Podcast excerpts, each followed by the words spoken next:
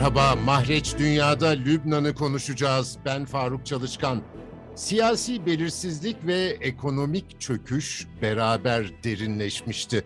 Siyasi belirsizlik bitti gibi. Ülkenin bir hükümeti var ve seçim tarihi de belli oldu ama ülkede umut oluştu mu? Beyrut'taki Yeni Anadolu Ajansı muhabiri İdris Okuducu'yla konuşacağız. İdris, hayırlı olsun yeni görevin. Katıldığın için de teşekkür ederim. Önce seçim ve siyaset konuşalım mı? Seçim tarihi üzerindeki tartışmalar bitti mi? Faruk Bey, seçim tarihi üzerindeki tartışmalar henüz bitmiş değil. Ancak ülkede sürekli yeni krizler ortaya çıktığından dolayı e, ülkenin gündeminin şu anda ikinci e, sırasında. E, geçen hafta itibariyle meclis ikinci defa seçim tarihi belirlemek için bir araya geldi. Cumhurbaşkanı Michel Aoun'un ilk seçim tarihini veto etmişti. O da 27 Mart 2022 idi. Normal şartlarda 8 Mayıs 2022'de yapılması gerekiyordu.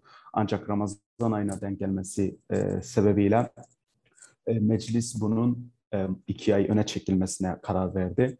E, Hristiyanların itirazına rağmen ikinci oturumda tekrar meclis oy çokluğuyla e, 27 Mart 2022'de yapılmasına karar verdi.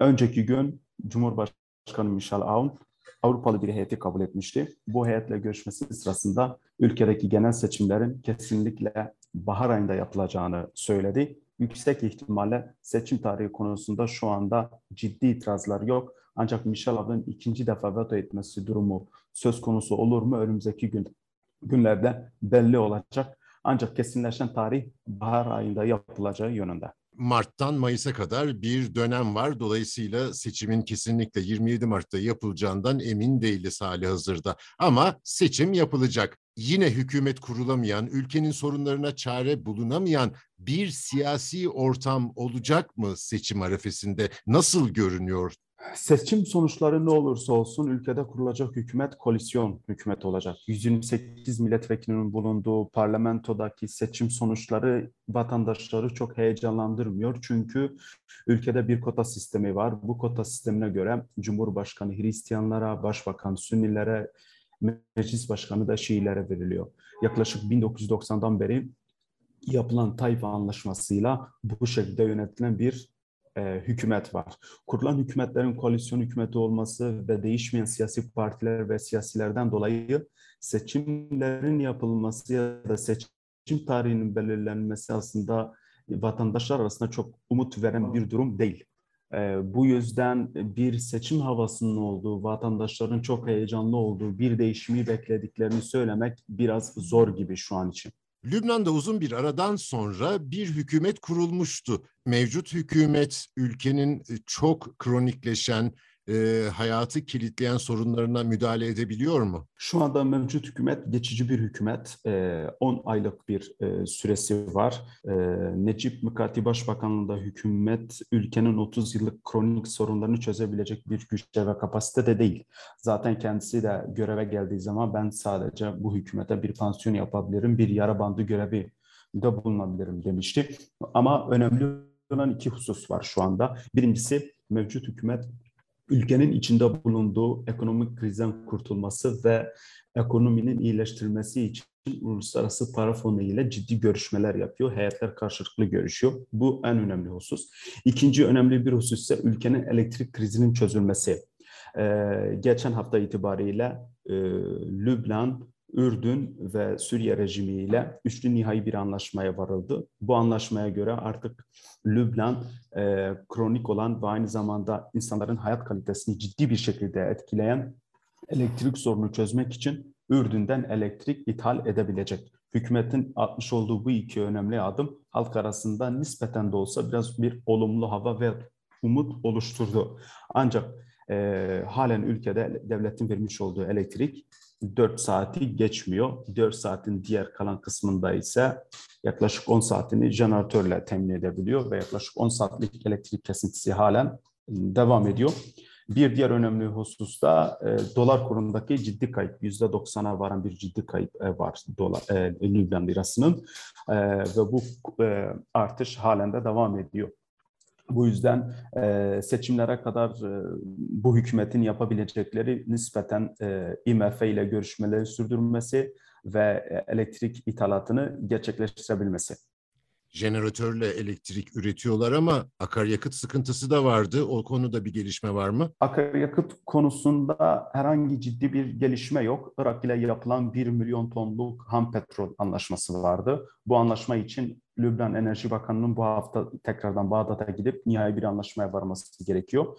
Ee, bir önemli e, konu ise e, Mısır'dan doğal gazın ithal edilmesiydi.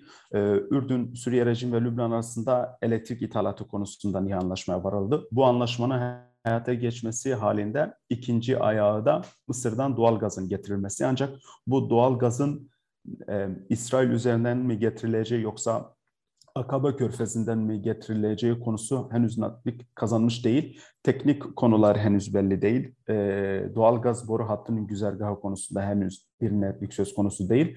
Görünen o ki yıl sonuna kadar elektrik ithalatı gerçekleşecek ancak doğal gazın gelmesi biraz uzun sürecek gibi görünüyor. Ki zaten seçimlerin de arefesinde bunun gerçekleşmesi biraz uzak ihtimal gibi. Şimdi uluslararası açıdan Lübnan'a bakalım. E, hükümetten bahsettik ama bu hükümet bir uluslararası krizle karşı karşıya çünkü bir bakan Suudi Arabistan'ı fena halde kızdırmış görünüyor. Suudi Arabistan epey sert tepki gösterdi. Konu ne İdris? Onu bir baştan alalım mı? Suudi Arabistan ve Lübnan arasındaki son kriz aslında yeni gelişen bir olay değil. Bu 2016'dan itibaren artan bir gerginlik. Mevcut krize bir e, bakanı sebebiyet vermiş olsa dahi asıl sebep Suudi Arabistan'a göre Hizbullah'ın Lübnan'da siyasi ve askeri nüfusu.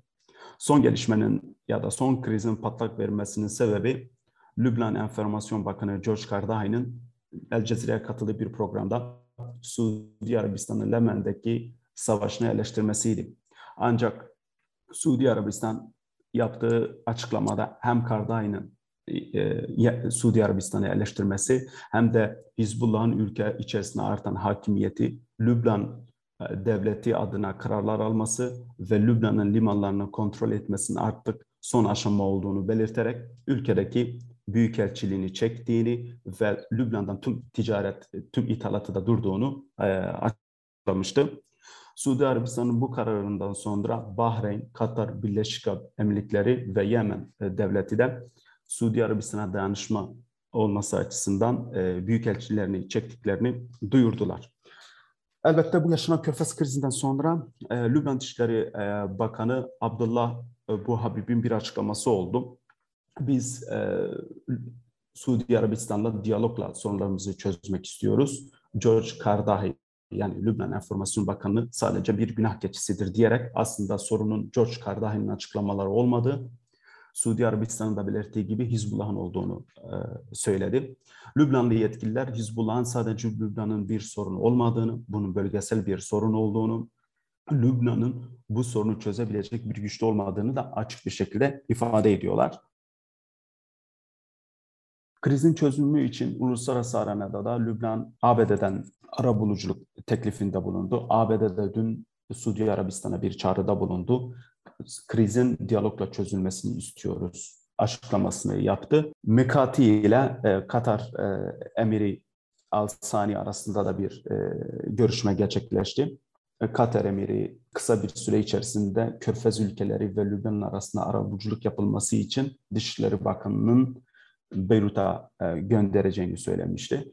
Genel hatlarıyla 2016'dan beri devam eden bu gerginlik aslında Lübnan Enformasyon Bakanı'nın eleştirisiyle artık son noktaya e, geldi. Neden 2016'da bu kriz patlak verdi? Suudi Arabistan'ın Tahran'daki büyükelçine yapılan e, saldırıda dönemin Lübnan Dışişleri Bakanı Cibran Basil, Suudi Arabistan Büyükelçiliğine saldırı kınamamıştı. Bu saldırıda Lübnan'ın tarafsız olması nedeniyle Suudi Arabistan Lübnan'a yatırımlar yapmaya başladı. Öncelikle daha önce sözünü verdiği 3 milyar dolarlık Lübnan ordusuna yardımı kesti. Ardından 2017 yılında Lübnan Başbakanı Saad Hariri Riyad'dan istifasını sundu ve bu istifasıyla birlikte Lübnan Başbakanı'nın Suudi Arabistan'da rehin tutulduğu iddia edildi.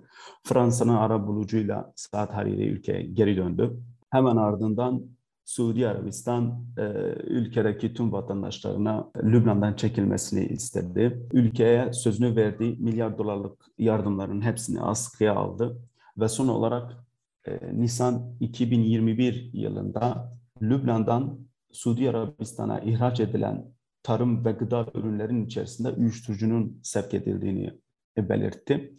Riyad yönetimi Nisan 2021'den beri zaten Lübnan'dan herhangi bir tarım ürünü ithal etmiyor.